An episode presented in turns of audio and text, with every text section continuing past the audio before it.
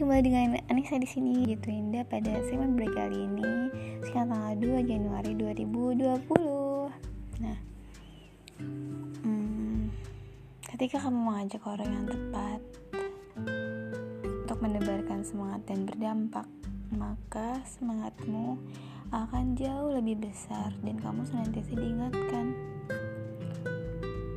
Ya, kadang banyak hal yang mendistraksi untuk kita berbuat lebih. Tapi kadang ketika kita udah mengajak orang yang tepat itu kita diingatkan lagi. Kita semangat lagi saling mengingatkan saling yang namanya kehidupan real adanya up and down. Ya itu kehidupan itu hidup. That is life jadi ya kita nggak bisa pungkiri kalau nalurinya kehidupan adalah seperti itu. Turun dan naik.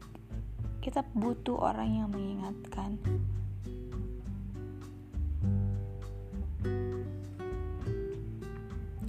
Dan mm, tetaplah berbuat baik tetaplah berbuat positif. Karena secara tidak langsung perbuatan positif yang kamu lakukan itu bisa menstimulasi orang lain untuk berbuat positif dan baik serta benar insya Allah.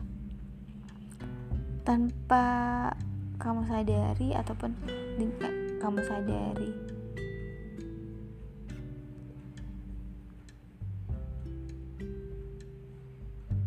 hanya dengan melihat itu bisa mempengaruhi.